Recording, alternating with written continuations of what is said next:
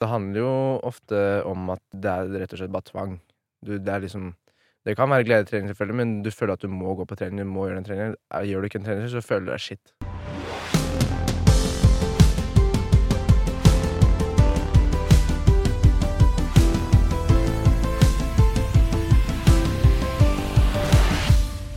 Joakim var 14 år da alt begynte å endre seg. Han gikk i 9. klasse, og alle gutta i klassa vokste. De blei høyere, breiere og fikk større muskler. Joakim så seg sjøl i speilet, men der skjedde det ingenting. Sjøltilliten var elendig. Han følte seg ukomfortabel i sin egen kropp, og nå bestemmer han seg for å gjøre alt han kan for å oppnå drømmekroppen. Men det skal vise seg å få store konsekvenser. Kanskje har du hørt om 21-åringen Joakim Øyen i sommer? Kanskje har du sett ham på Instagram eller i Aftenposten, der han fortalte sin sterke historie. Nå er vi så heldige å få han hit til Antidopingpodden. Velkommen til deg, Joakim. Jo, takk for det. Nå er du jo 21 år og jobber blant annet som PT og foredragsholder, og viktigst av alt, så er du frisk og har det bra om dagen. Stemmer, stemmer. Åssen eh, driver du med om dagen? Nei, det går mye jobb og studier, da. Jeg studerer også terapeut, som jeg har eh, ett år igjen nå. Eh, Så har jeg jobba litt som fysisk PT på senter, eh, men gått over mer til online coaching, da. Så litt business på siden. Ja, Ja. men trening er fortsatt en del av livet ditt, og Det er det, på en annen måte. Helt annen måte enn Ja. det det har vært. Så det er veldig, veldig gøy. Mm. Absolutt. Det skal vi snakke mye om. Men i Antidopingpodden i dag så har vi òg med oss Marte Otterholm Fjell. Du er rådgiver i Antidoping Norge, kollega med meg, som heter Gjermund Egestad Midtblad, som er programleder. Velkommen, Marte. Tusen takk. Du jobber jo da på Dopingkontakten, som er chattetjenesten vår, og der veit jeg at Joakim faktisk har uh, chatta litt med Dopingkontakten når han hadde det kjipt for en del år siden. Mm. Det skal vi snakke mye om i dag. For Joakim, du har jo ikke alltid vært så glad og frisk som jeg ser at du er i dag. Du har ei historie, som jeg tror mange kan kjenne seg igjen i. Eh, målet du hadde om å oppnå drømmekroppen, det gikk jo til slutt så langt da, at både leveren og, og hjertet ditt begynte å svikte. Men først så må vi tilbake til der det starta. Åssen 14-åring 14 var du egentlig, der du vokste opp hjemme i Trøgstad i Østfold? Nei, jeg var aktiv, da. ADHD, så det gikk mye Bruker mye energi, egentlig. Eh, spilte mye fotball og håndball. Eh, drev litt med cross, sånn firhjuling firehjuling og crosser, og drev egentlig med mye forskjellig. Så var opptatt av å bruke mye energi. Hadde mye energi. Så det gikk mye av det før jeg ble syk, da. Mm. Mm. Åssen forhold hadde du til trening før du ble syk? Det var veldig gøy. Jeg løp rundt og hadde det veldig artig og elska å dra på trening og bevege meg og sånne ting. Så det var nesten det jeg holdt på å si levde for. Ja. Syns det var veldig gøy. Mm. Og så drev du med fotball og håndball, som du sa. Mm. Men så kom det vel til et punkt der du kjente at nå hadde du lyst til å bli sterk, få en uh, mer markert kropp. Eh, Åssen tanker hadde du når det, når det endra seg der? Nei, det var jo det som du innledningsvis sa, at uh, det å bygge muskler, at alle andre vokste og sånne ting. Jeg var jo en som er, var veldig lav, og fortsatt er lav, men eh, eh, hadde ikke akkurat det Det var jo mest issue med høyden, da, ikke sant. Og så vokste andre i bredden og høyde, og da følte jeg ikke hang helt med, da. Så da følte jeg måtte gjøre noe der, og det begynte jo da smått med egen trening hjemme og sånne ting, ved siden av håndball og fotballen, da. Mm. Så det blei ganske mye trening etter hvert, og det blei mer og mer og mer, og mindre og mindre mat. Og hva var det du gjorde da for å oppnå den drømmekroppen som du, du lengta etter? Nei, den kom jo aldri, den. Men det gikk jo motsatt vei. Jeg gikk jo bare ned i vekt, ned i fettprosent. Eh, Blei og mer psykisk opptatt av trening, mat, eh, alt det der. Så det, det var jo det jeg bare fokuserte på, rett og slett. Mat, trening. Mm. Så det gikk jo gale veien til slutt, da. Hadde du et eh, klart mål for det hva den perfekte drømmekroppen var? Nei, egentlig ikke. Det Målet var vel mest egentlig bare å bygge mest mulig muskler. Mm. Som gikk over hodet an, holdt jeg på å si. Eh, så jeg Fordi jeg spiste jo mindre, og da ble jeg mer definert. Og da følte jeg jo musklene bli større, fordi de kom jo mer synlig fram. Eh, men jeg gikk jo bare masse ned i vekt, og så ble jeg enda sykere i hodet, rett og slett. Så da tenkte man jo ikke Tenkte man jo bare på mat og trening. Mm. Så nei, jeg hadde ikke noe sånt mål om akkurat sånn der skal jeg bli, men uh, jeg skulle bli størst mulig, holdt jeg på å si, eller så stor som mulig. Ja, det er jo et interessant uh, tema, nettopp fordi at mange som vi snakker med på dopingkontakten, uh, strever jo etter å få uh, drømmekroppen. Mm. Men uten å ha en klar tanke om hva det egentlig er for de. Og da streber man jo i det uendelige. For man kan alltid bli litt større, litt sterkere, litt smalere rundt midja. Og man mister jo på en måte noe å forholde seg til. Mm. Og da begynner man å eh, komme på tynn is. Da har man jo ingen referanser. Ja, hadde du noen mål du ville oppnå med, den, med de musklene og det du trente mot? da? I, var det i fotball og håndball du ville liksom bli sterkere der, eller var det bare for å bli synlig sterkere for eh, det motsatte kjønn, for eksempel? Eller? Det stemmer akkurat. Motsatte kjønn. så siden jeg følte meg lav og sånne ting, så følte jeg måtte kompensere typ for det. da Så da var det jo det å bygge muskler som kanskje mange jenter syntes var attraktivt. Ha sixpack og sånne ting. Mm. Så det var jo det som var hovedmålet, og var det ganske lenge, egentlig. Å ha en definerte muskler og sixpack. Og så at jentene likte det istedenfor at du var lav, da. For det er ofte snakka om Ofte hørt også at jenter liker høye gutter og sånn, ikke sant. Så da følte jeg måtte et sted kompensere for det, da. For at jeg ikke hadde den høyden jeg egentlig ønsket. Mm. Mm. Begynte du å trene, da? Nei, det gikk mye hjemme. Eh, Jeg trente jo ikke på noen studier eller sånne ting. Så ved siden av før fotball og håndball og etter skole og sånn, så var det opp og ta situps, ta litt pushups, sånne ting. Så det gikk eh, ganske mye av det. Det var vel rundt over 1000 situps per dag. Så det økte jo bare etter hvert også. Så det, mm, det ble ganske mye trening. Og det økte jo som sagt bare. Og maten gikk nedover, eller bare sto rolig. Du nevner jo et uh, spesifikt antall situps. Var det en sånn ting du måtte krysse av på lista? Ja. Jeg måtte utføre antall situps per dag. Mm. Kunne ikke være under. Mm. Så jeg hadde alltid et tall som jeg fulgte, og så noen ganger så økte det, men det gikk aldri nedover. Alltid økte, eller sto rolig. Så det ble en sånn tvang Ja. kjente på? Mm. For da, i saka i Aftenposten i sommer, så fortalte jo mammaen din om åssen hun merka at du forandra deg, og hørte at du trena på badeflisene på, på natta og fant mat i søpla. Prøvde Mm. du å holde det her skjult for, eh, for familien? Ja, 100 Mm. Så skjult som jeg kunne det. Sånn, på én side så kanskje jeg visste at de visste det, men jeg nekta fortsatt, på en måte. Eh, så de var jo trening nesten overalt, og hvor enn jeg kunne, og så plutselig så var det en dag som nærma seg slutten, så måtte jeg få inn det siste, liksom. Uansett hvor det var. Så måtte jeg prøve å gå i skjul og gjøre det, liksom. Mm. Så Hva var grunnen til at du tenkte at du måtte gjøre det i skjul? Nei, det er jo Jeg visste at det ikke kanskje på en måte var normalt, da. Mm. Eh, så jeg må liksom måtte finne en måte der jeg kunne gjøre det skjul, for ellers jeg vil ikke at folk skal se at jeg trener når man egentlig ikke skal trene, kan man si, da. Mm.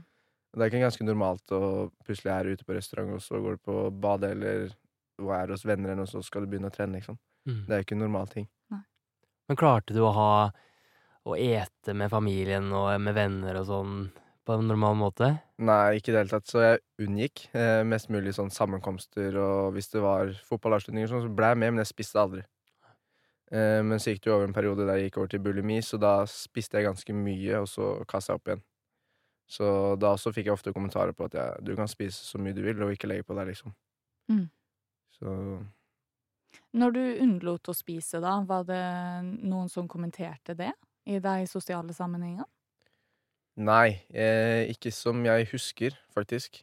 Eh, ikke av venner eller fotballavslutninger, sånn, så var det ikke noen som påpekte det. Nei. Eller var det folk som spurte skal du ikke ha pizzastykker, liksom, eller noe sånt. ting, da. Mm. Og da følte jeg meg ubekvem både å si nei til det, samtidig som jeg hadde lyst på og ikke lyst på, liksom. Mm. Og at det er ganske unormalt kanskje å si nei, da. Mm. Så da følte jeg meg ubekvem, liksom. Litt sånn satt opp mot veggen, kan man si. Følte jeg, da. Mm. Ja. Mm. For hvilken følelse ville du ha fått hvis du tok det pizzastykket? Da hadde jeg fått dårlig samvittighet, så enten så hadde jeg ikke ja, typ spist mer i løpet av dagen, eller kasta opp, eller trent enda mer. Når maten og treninga holdt eh, Det var, gikk sammen hele tida. Ja, ja, absolutt. Hvis du trente hardt, hvis du åt for lite, da justerte du det med treninga, da. Ja, eller da kunne jeg ta meg Da trengte jeg ikke å trene så mye, eller sånn. Da hadde jeg vanlig nivå, liksom. Men hvis jeg spiste mer, eller jeg får si en yoghurt mer, da, så måtte jeg trene litt mer. Så enten så må jeg gå ned på maten, så jeg kan trene mindre, eller så må jeg spise mer og trene mer. Mm. Og der starta jo da på ungdomsskolen. Men det skjedde liksom gradvis og blei verre og verre utover ungdomsskolen, da, skjønner jeg. Ja. Mm. Så ble jeg innlagt etter hvert. Gjennom BUP og sånne ting, på ungdomspsykiatrisk. Så da var det jo liksom for anoreksi mest, da. For da var jeg såpass lav vekt og sånne ting.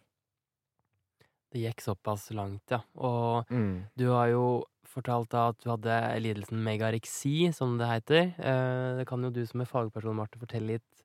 Og det er egentlig megareksi. Eh, Det er jo at en person har et sykelig eh, fokus nettopp på det her å bygge muskler, da. At det, det tar over store deler av hverdagen, egentlig. Blant annet det at man trekker seg unna sosiale sammenkomster nettopp for å kunne trene. Eh, Alle valg man tar, baserer seg på hvor mye man kan få trent, hvor store musklene er. Um, ikke minst så vurderer man seg sjøl ofte til å være mye mindre enn hva man egentlig er, og at man ofte får kommentarer på at man er større enn man sjøl føler seg. Da. At noen andre kan si at ja, men du er jo så stor og sterk, du kan jo ta deg en fridag. Men når man ser seg sjøl i speilet, så tenker man kanskje overhodet ikke det. Sånn nå når jeg fortalte litt om hvordan vi fagfolk ser på det, kan du kjenne igjen noe av det jeg sa? Ja, absolutt. Det er jo sånn det er. Og så ofte kan det henge sammen med eh, ortoreksi også, som er jo at, uh, at du må spise veldig sunt, at du må spise det og det.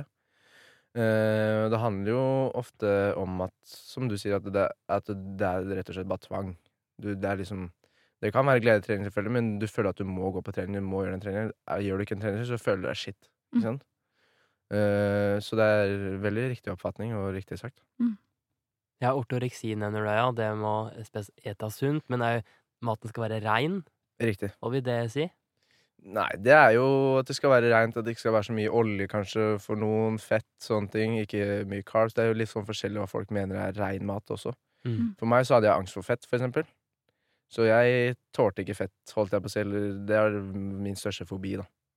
Så det var det jeg syntes var vanskelig. Ja, Så smør, for eksempel. Mm. Det vil du ikke ha noe av. Ikke noe smør eller oljer eller fløte eller mat. eller sånne ting. Så jeg passa alltid på når mamma sånn lagde mat og sånne ting. Så jeg hadde jo alltid et behov for kontroll på Mm. mat og trening og alt. Så mammaen din fant eh, litt mat i, i søpla og sånn, og det var noe av grunnen til at hun skjønte at du hadde det tøft? Ja. Så ofte hvis det var egg og sånne ting, etter hvert som jeg ble friskere, så spiste jeg jo litt mer på egen hånd og sånne ting.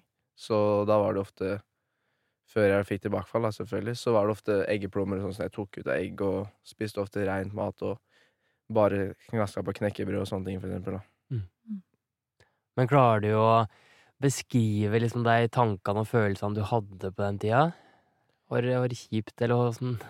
Ja, hva skal man si? Er, du lever jo i din egen verden, og du kjemper kamper hver dag, hver time, hvert minutt, egentlig, rett og slett. Eh, I hvert fall for min del. Så mm, det var liksom det var, All energien gikk til det, rett og slett. Og når man begynte å få anoreksi, på en måte, da jeg spiste mindre og sånne ting, så var det jo Hadde jo veldig lite energi, men jeg måtte jo trene sånn for det, ikke sant?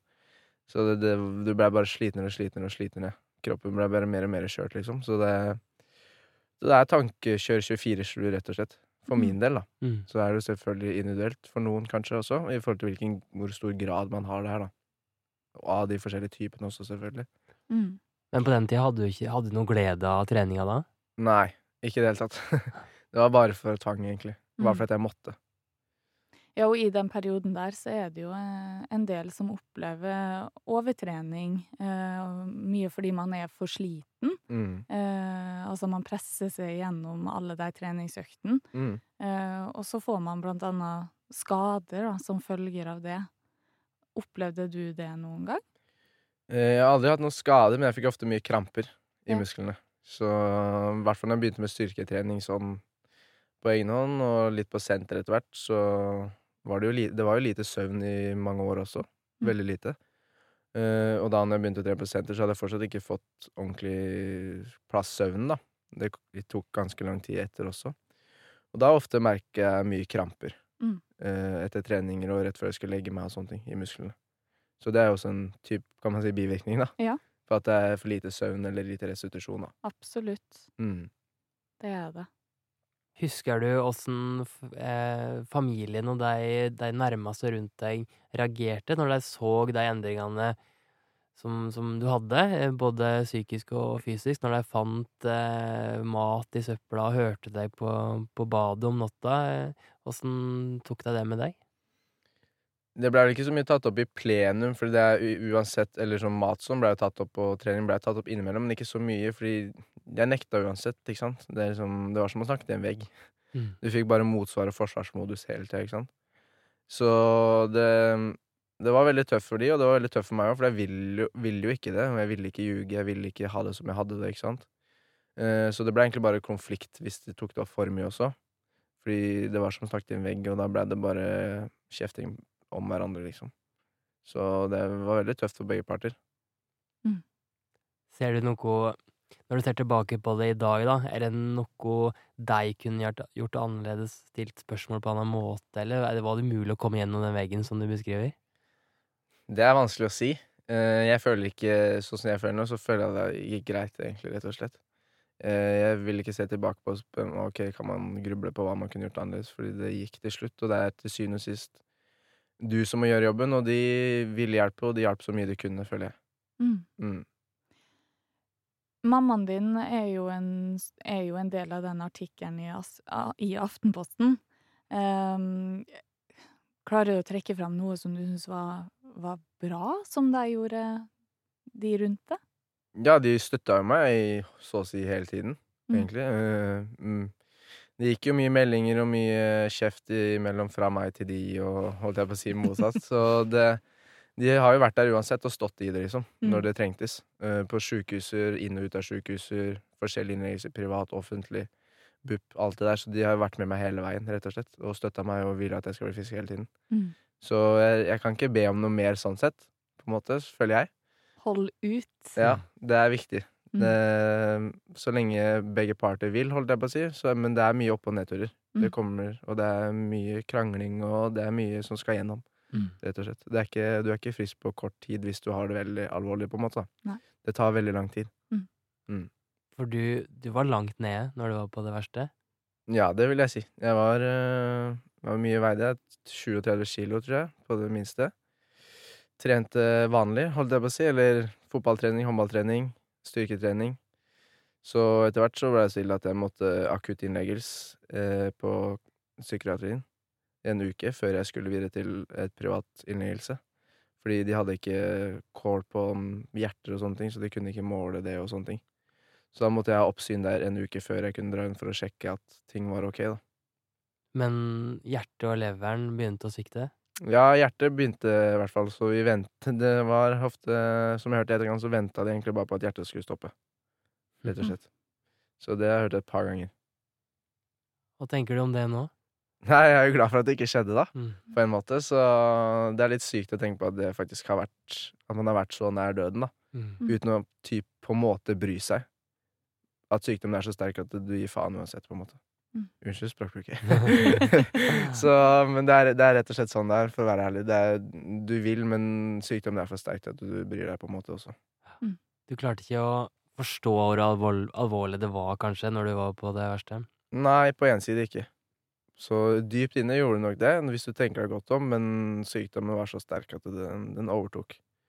Så, men jeg ville bli frisk hele veien, så jeg jobba alltid mot det, og sånne ting. Selv om det var masse nedturer, holdt jeg på å si, og noen oppturer her og der. Og egentlig bare et slit hele veien, så ville jeg innerst inne bli frisk. Så jeg holdt ut, og jeg var motivert og sånne ting. Mm. Mm. Vi skal snakke om den oppturen litt etterpå, men først må vi snakke litt om de samtalene du hadde med dopingkontakten på den tida, for du hadde jo et stort mål om å bygge muskler og bli større. Eh, tanker gjorde du deg da, og åssen åssen gikk du fram for å finne kunnskap og lære? Når jeg begynte å tenke på steroider, var jo da jeg faktisk hadde begynt å trene på litt senter og kommet meg blitt litt bedre ordentlig frisk. Eller en periode jeg var litt friskere, da, og kunne trene på senter og sånne ting. Og da sleit jeg med søvn, og jeg følte ikke kroppen restituerte nok øh, og bygde ikke nok som jeg ville. Og da begynte jeg å tenke på midler man kunne ta der for at det skulle vokse sånn som jeg vil optimalt. da, Med tanke på at jeg sleit med søvn, og da vet jeg at musklene ikke vokser optimalt. Så da ofte søkte jeg rundt på nettet om det forskjellige ting, spurte forskjellige folk. Eh, var veldig opptatt av noe som heter SARMS, som er blitt ganske oppheta i de siste årene. Som menes at du ikke skal få så mye bivirkninger, egentlig. Eh, at det skal være et mildere stoff, da, holdt jeg på å si. Så det brukte jeg Jeg brukte jo nesten et år. Mm, Totalt liksom nesten hver dag på å researche på ting og snakke med folk og kontakte Antidoping Norge og sånne ting. Hva spurte du om da? Nei, jeg spurte jo om SARMS og forskjellige midler som var det mildeste man kunne ta, og sånne ting. Uh, at jeg vurderte å ta det og sånne ting. Mm. Så jeg var faktisk hjemme hos en fyr en gang også, der det sto på bordet, liksom. Steroider. Så, men jeg kjøpte heldigvis ikke, så det er jeg glad for. Fordi jeg visste liksom konsekvensene av det, men fortsatt så hadde jeg så stor drive til å faktisk ville ta det òg. Men uh, heldigvis så holdt fornuften igjen. Hva hadde konsekvensene som gjorde at du helserisikoen, da, som gjorde Ja. at du ikke gjorde det? Mm, sånn uh, bivirkninger Mange sliter jo også mer med søvn, og det sleit jeg allerede med fra før, så jeg ville jo ikke ha dårligere søvn heller. Nei. Så det var ofte, ofte bivirkninger som holdt meg igjen, da. Mm. At uh, I forhold til hjertet, du vet aldri langtidseffekten og avhengigheten du får, og alt det der. Og på Dopingkontakten så svarer jo Marte og kollegaen hennes Mm. på spørsmål om eh, kroppspress, trening og doping. Eh, og du har snakka med mange sånn ungdommer som Joakim i den alderen der. Ja, doping er jo en av altså mange ulike løsninger for å, for å nå drømmekroppen, da. V- og vi får jo en del henvendelser, nettopp, eh, som du sier, om hva er det mildeste jeg kan ta? Um, og folk som er der for å teste påstander, som for eksempel at uh, Men SARMS er jo mildere i bivirkninger enn anabole steroider. Og vår uh, måtte, Altså, en av våre arbeidsoppgaver er jo nettopp det å gi den riktige informasjonen til de som kommer og, og spør oss. Vi er ikke der for å overtale noen. eh, Og ikke dømme. og, og i hvert fall ikke å dømme eh, til å gjøre det ene eller det andre. Men for eksempel eh, så ville vi jo ha sagt at eh, det er dessverre ikke korrekt det at SARMS har nødvendigvis mildere bivirkninger enn anabole steroider. Det er jo også sånn at SARMS også ofte blir solgt som en blanding da, eh, mellom eh, legemidler som ikke er godkjent, og eh, at det inneholder anabole steroider. At folk blir klar over det, sånn at de i hvert fall har kunnskapen før de tar det valget. Det valget skal de få ta sjøl. Det er viktig. Mm. Mm. Du har kanskje noe spørsmål til Joakim, åssen du som fagperson kan møte sånn med ungdommer med det de ønska, og de spørsmåla de har, da? Ja, nå spurte du jo for meg, men eh, det er jo interessant å høre, fordi jeg har jo også før jeg begynte her som rådgiver eh, på Dopingkontakten, snakka med veldig mange ungdom. Og det er jo store forskjeller i hvordan man ville blitt møtt, men hvordan tenk, når du tenker tilbake som 15-åring, hvis eh, en på skolen eller eh, helsesykepleier eller vi på Dopingkontakten hvem som helst som du møtte. Hvordan ville du at vi skulle ha møtt det da? Nei, det er jo stort og vanskelig spørsmål sånn, egentlig, for det er jo veldig individuelt. Eh, men jeg ville blitt møtt med åpenhet, og ikke noe fordommer eller noe sånt sånn Nei, du, du skal gjøre sånn eller sånn, som vi sier. At du er et åpent menneske, du lytter, eh, hører til det den har å si, og så får du heller bane deg litt vei derfra, egentlig. Uh, fordi jeg, jeg tror ikke det hjelper ikke å si du skal gå den retningen eller den retningen, eller gjøre sånn eller sånn. Det tror jeg ikke er så greit. Jeg tror det bare handler om å være åpen, og så lytte. Mm. Og så reflektere rundt det som er, eh, det som er casen, og så si fakta og det som er riktig, på en måte. Mm. Så får de ta en vurdering selv ut fra det, for du kan ikke tvinge noen, på en måte.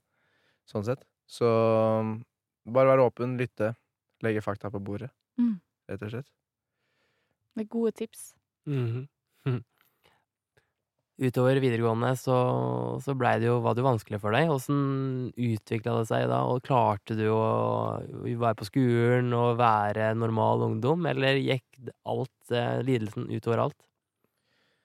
Ja, det begynte jo i tiende, så da var det første ordentlige innleggelse sånn psykiatrisk. Og så ble jeg typ sånn si frisk, da. Eh, gikk ganske bra, og så var det jo ikke ettervern der, så jeg datt jo fort tilbake. Eh, og da skulle jeg begynne på videregående etter hvert, uh, etter sommeren, og var ganske syk, og sykdommen begynte å bli sterkere og sterkere for hver dag. Uh, da gikk jeg VG1, og utover halvåret så bare så vi på karakterer og alt, sånn at det, det funker ikke. Jeg måtte innleggelse igjen, og da måtte jeg jo selvfølgelig ta opp et år igjen, da. Så ja, det var fortsatt veldig mye fokus da. Det var slit å komme seg på skolen, holdt jeg på å si. Eller jeg ville jo på skolen, på en måte, men det var slitsomt, da. På en måte, jeg var sliten i både hode og kropp hele tida. Så jeg var liksom ikke til stede i det hele tatt. Men så begynte det å snu etter hvert. Ja, så var jeg innlagt inn og ut og litt sånn småting. Eh, så ble jeg friskere og friskere, og så litt sjukere og sjukere igjen, og så gikk litt opp og ned, og Ja, ja, litt opp- og nedturer. Så det var egentlig en berg-og-dal-bane. Men eh, jeg var jo meste perioden syk og undervektig, sånn sett, eh, på det verste. Men eh, ja, det gikk litt opp og ned, som sagt, og så kom det jo til punkt der jeg blei privatinnlagt, da. Så det var jo det siste stedet jeg var etter jeg blei tvangsinnlagt på akutt. Mm. Så privatstedet gikk det ganske bra, egentlig. Selvfølgelig mye oppturer og nedturer der også, sånn sagt. Eh, Men eh, det var liksom der jeg gjorde en god jobb. Da var det fullt fokus på spiseforstyrrelsen. Var bra fagpersoner. Det eneste behandla var spiseforstyrrelser. Eh, godt, gode folk rundt og sånne ting, da. Eh, Så det var der jeg følte liksom Der jobba jeg godt og sånne ting. Mm. Mm. Jeg jobba godt andre stedene også, men systemet var litt Passa ikke helt meg, da, i det Mm. offentlige. Men så kom eh, koronaen, og du fikk en sånn ekstra puff der. Ja, da Jeg blei jo skrevet ut i Hva var det? 2019 Ja. Sommeren 2019. Så da prøvde jeg å leve litt livet og sånne ting, selvfølgelig, men jeg var jo fortsatt ved, Jeg var skal jeg si 80 frisk. Så var jeg jo fortsatt fobi for fett, da. Eh, og fortsatt var det mye tvangstrening og sånne ting, at jeg måtte trene på treningssenter og sånt. Eh, Så traff jeg noe første kjærlighet og litt sånne ting mm. sommeren der, og det gikk jo ikke akkurat Det gikk jo veldig bra sånn sett, men uh, ikke i forhold til mat og være i sammenkomster og sånne ting. Så ble det slutt etter hvert, og da brukte jeg lang tid på å komme meg over det, og så begynte koronaen å komme i 2020. Og da begynte det å bli hjemmeskole og sånne ting, og da sa, sa jeg til meg selv nå må jeg ta siste innspurt her, liksom. Så da jobba jeg veldig mye hjemme, på egen hånd, og prøvde å overgå den fobien mot fett, da. Så jobba ganske godt da, så tok det vel Tok ut året, tror jeg, før jeg klarte å Klarte å bli helt eh, angstfri mot fett, type, da.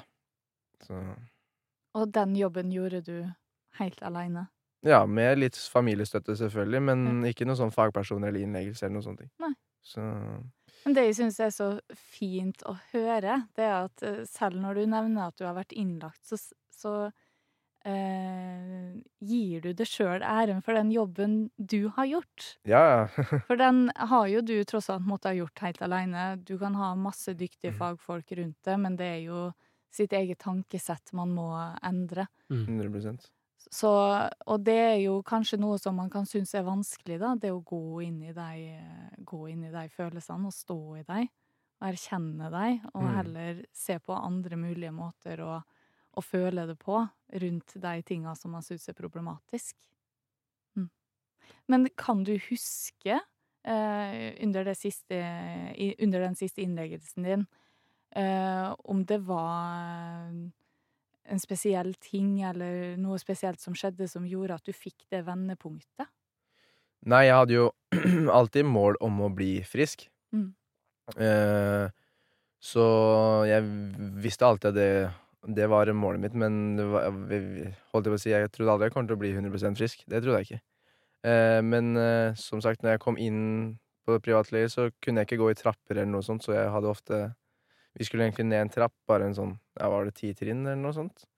Og den kunne jeg ikke gå ned engang, så alltid sånn, jeg måtte ha behandling eller samtaler oppe. Hvorfor kunne du ikke gå ned den? Nei, fordi kroppen tåler det ikke. Så det er ganske heavy sånn. Så jeg Mm. måtte var sånn i tre uker. Så Men jeg, som sagt, ja, alltid motivasjon for å bli frisk, men veldig ambivalent og tungt. Men eh, det var veldig bra jobb der, og så Hvis det sto mat på bordet, og så du ikke spiste opp, så satt du her til du spiste opp.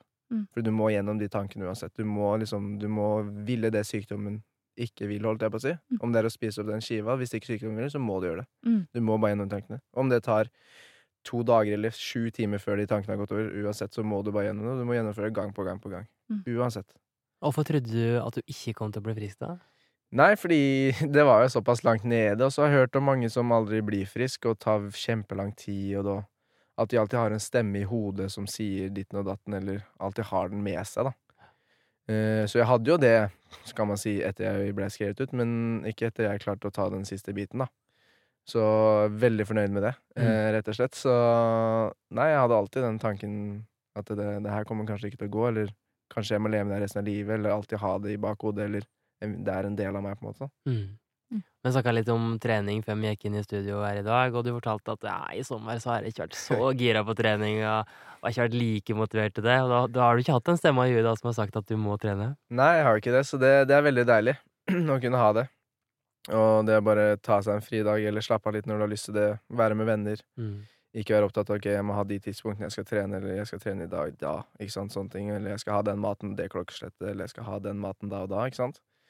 Uh, så det har vært veldig deilig. Det har vært en chill sommer sånn sett. Uh, Kosa meg og nyte det, egentlig. Ja. For første gang, holdt jeg på å si. Eller på lenge. Deilig. deilig. ja, absolutt. Det er, altså, det er fortjent. Det er fortjent, Ja, ja. så det har vært deilig. Absolutt. Men du var litt inne i fitnessmiljøet i den perioden der du holdt på å bli frisk her? Ja, eller fra skal vi si 20 Ja, jeg tror jeg begynte med Ja, si 2020 begynte jeg å trene litt på egen hånd, da. Sånn mot sånne ting. Eh, men så i 2021 så fikk jeg meg coacher og sånne ting. Så det var vel i 2022 jeg ga meg med det. Skjønte at det her var ikke noe for meg, i forhold til at det, det begynte å kødde mer med hodet mitt om tanker om mat og søvn og restitusjon og 100 fokus på det hele tiden. Mm. Så jeg var vel inne i, i totalt to år sånn, men uh, veldig fokus i ett år, da. Så, Da var det tanke om å stå på scenen og, og posere? Mm, mm, absolutt. Så jeg var på poseringstreninger, hadde kostplan, hadde treningsplan. Fullt fokus på det. Var ikke så mye ute med venner og sånt da heller. Eh, det var fokus på å legge seg da og da, prøve å sove da og da. Men da det bare fucka med søvn enda mer, da. Enn det det var fra før. Så det Det var mye stress, ikke sant, rundt det at alt skal være optimalt. Så Og det at uh, du spiste ikke det samme som de andre og sånne ting, da. Rett og slett. Hva var grunnen til at du valgte å trekke det ut av det?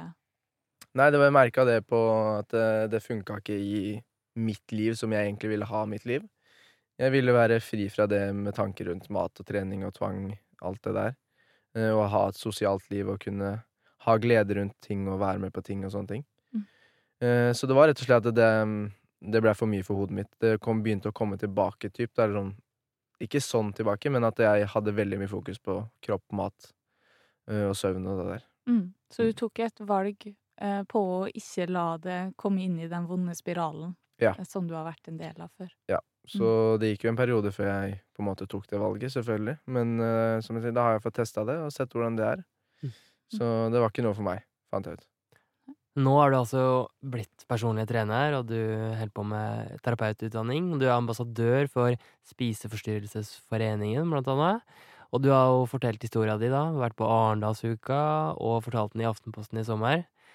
Åssen er det å snakke om å brette ut eh, det da du hadde som verst i livet? da? Du er jo bare 21 år, men har vært igjennom ganske mye tøffe ting. Jo, det er et sårt punkt, eller tema, da, å brette ut det dypeste og såreste i livet ditt, rett og slett, ute i verden der, og alle kan typ se det.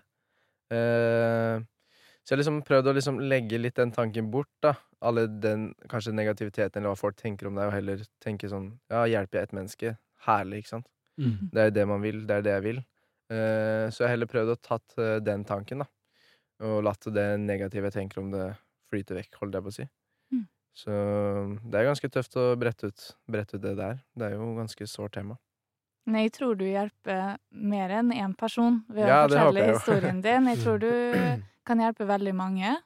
Eh, Jeg tror også at eh, gutter og menn trenger en sterk stemme Mm. eh, på det temaet her. Ja. Og hvis du skulle ha sagt noe til deg sjøl som eh, 14-15-16-åring, med det fokuset som du hadde da, Ja, nå i dag, Ja. hva ville det ha vært? Nei, det handler jo mest om at eh, folk er jo som de er. Folk er forskjellige. eh, både i kropp og alt mulig, holdt jeg på å si. Interesser og sånne ting. Men det handler jo det om at det, at ikke ta alt så seriøst, da. Begynn å nyte livet litt og se framover. For folk bryr seg egentlig ikke hvordan du ser ut. I det hele tatt. Det er du som tenker mest over det. Eh, og det, hva, er det som, hva er det du vil Hva er det du syns er gøy i livet? Hva er det du syns er artig? Eh, og ikke bare følge den kuleste gjengen eller se på de storeste gutta og sånne ting. ikke sant? Eh, og ha fokus mye på deg selv og det du syns er artig, og det som er positivt i livet. da. Mm. Ikke bry seg om alt negativt. og Legge bort det Legge bort, at, uh, legge bort det negative, holdt jeg på å si, og prøve å se det positive i livet, da. Og Mm. nyte det mens man kan, for livet er ikke så langt. Plutselig har det gått fem år. Eller ti, for den saks skyld. Så det, det går veldig fort uten Mm. at man merker det. Så det handler om å leve litt i nuet Ja. og nyte. Ikke være så seriøs på ting. Hva tenker du om at det er så mange unge gutter i din generasjon, de som kommer etter, da, som, som har så fokus på det å bygge kropp, og ikke å kjenne på det med megarisi, da? Er det liksom en typisk for din generasjon, tror du? Ja, jeg tror det, og så tror jeg det er mange som ikke hva skal jeg si, vet det helt heller. At det er en type sykdom at man er så opptatt av trening og mat. Eh, at man liksom tenker at det er normalt at Å ja, for eksempel foreldre rundt eller venner. 'Så flink du er som trener og spiser så bra nå', ikke sant? Mm. Ja, ja, så flink jeg er. Jeg er dritflink. Men egentlig så er det kanskje mer psykisk enn det man tror, da. Mm. Eller tenker over. For man har liksom ikke hørt så mye om det, eller tenkt så mye på det, eller man tenker at det er det er sunt, da. Jeg er sunnere enn de fleste, for eksempel, som ikke trener, og jeg tar vare på meg selv, liksom. Men eh, kanskje så tar du ikke vare på deg selv, da. Du gjør deg selv vondt, på en måte. Men nå har du funnet en mer balansegang og kan ha et sunt og godt forhold til trening, føler du? Ja, det er lysbetont, og jeg syns det er artig å trene, og hvis jeg er drittlei trening, så gidder jeg ikke å trene. Rett og slett, da tar jeg heller fri. Så får jeg heller få til motivasjon. Men det er mye disiplin også. Jeg er ikke sånn periodetrener som hopper av etter en måned eller to, og så har jeg fire måneder pause, og så hopper jeg på en. Jeg prøver å holde det kontinuerlig, da. Mm. Så det gir meg mye. Det er som terapi for meg. Både fysisk og psykisk. Så nå har du glede av treninga. Mm, 100 På åssen måte da? Åssen måte gir det deg glede og energi i hverdagen? Nei, jeg føler meg veldig vel. Jeg føler meg fri eh, Holdt jeg på å si fri. eh, det gir meg mye energi da, i form av glede. Eh, det jeg har trent. Du føler deg bedre. Sånne ting. Og det at du får en ekstra energiboost, da, ofte. Mm. Åssen ser en vanlig treningsøkt eller vike på Joakim, da?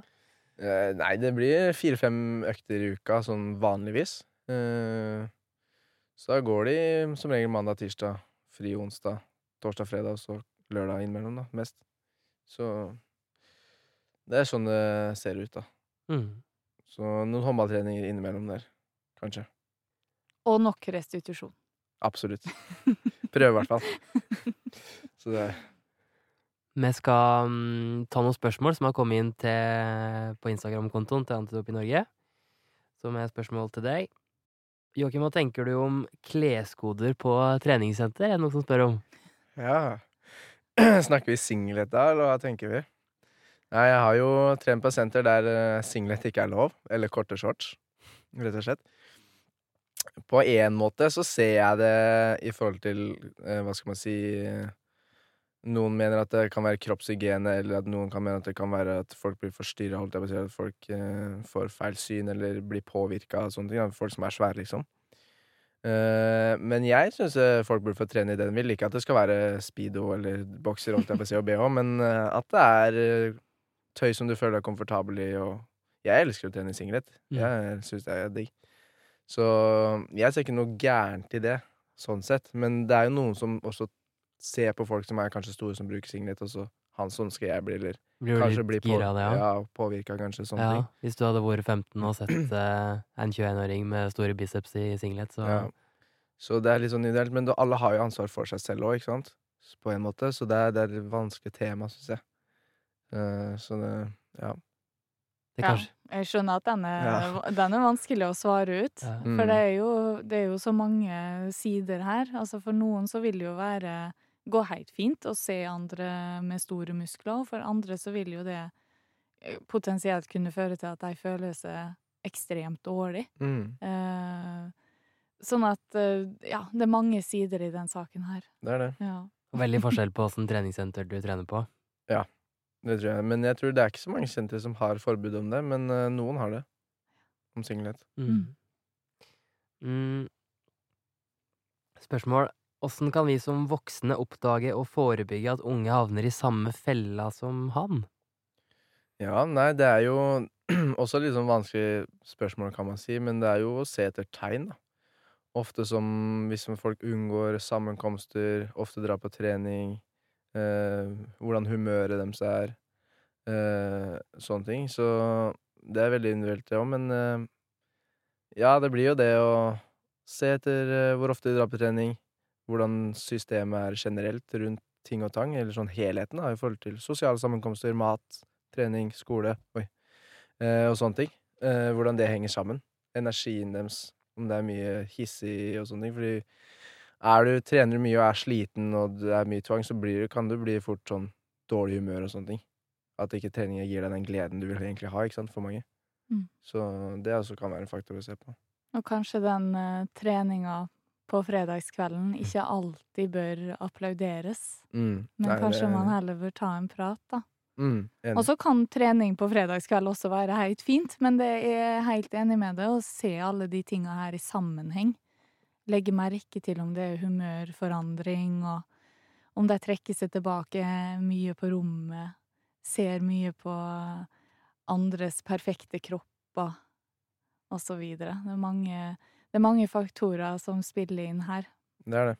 Så det er en helhet, kan man si, da, Mm. som man må se på. Så. Hvis det er en 14-15-16-åring som hører på denne podkastepisoden her, og kjenner at han har, eller hun, de samme tankene som du hadde, da, som beskrev i starten, åssen vil du si til, til den eh, 15-åringen? Nei, det blir vel det samme hvis de begynner å få ut tanker, så er det kanskje å ta grep, da, på en måte, og søke hjelp så fort som mulig, for du, du vil ikke la det gå for langt, altså. Eh, for da, da havner du bare i en ond spiral, så prøv, jo tidligere du får hjelp, eller jo tidligere du oppdager at det er et problem, jo lettere er det, rett og slett.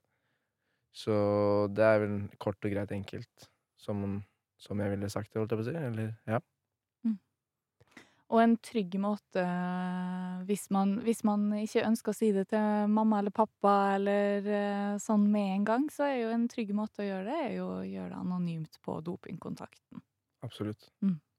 Det er en god oppfordring å gå ut med her fra Antidopingpodden.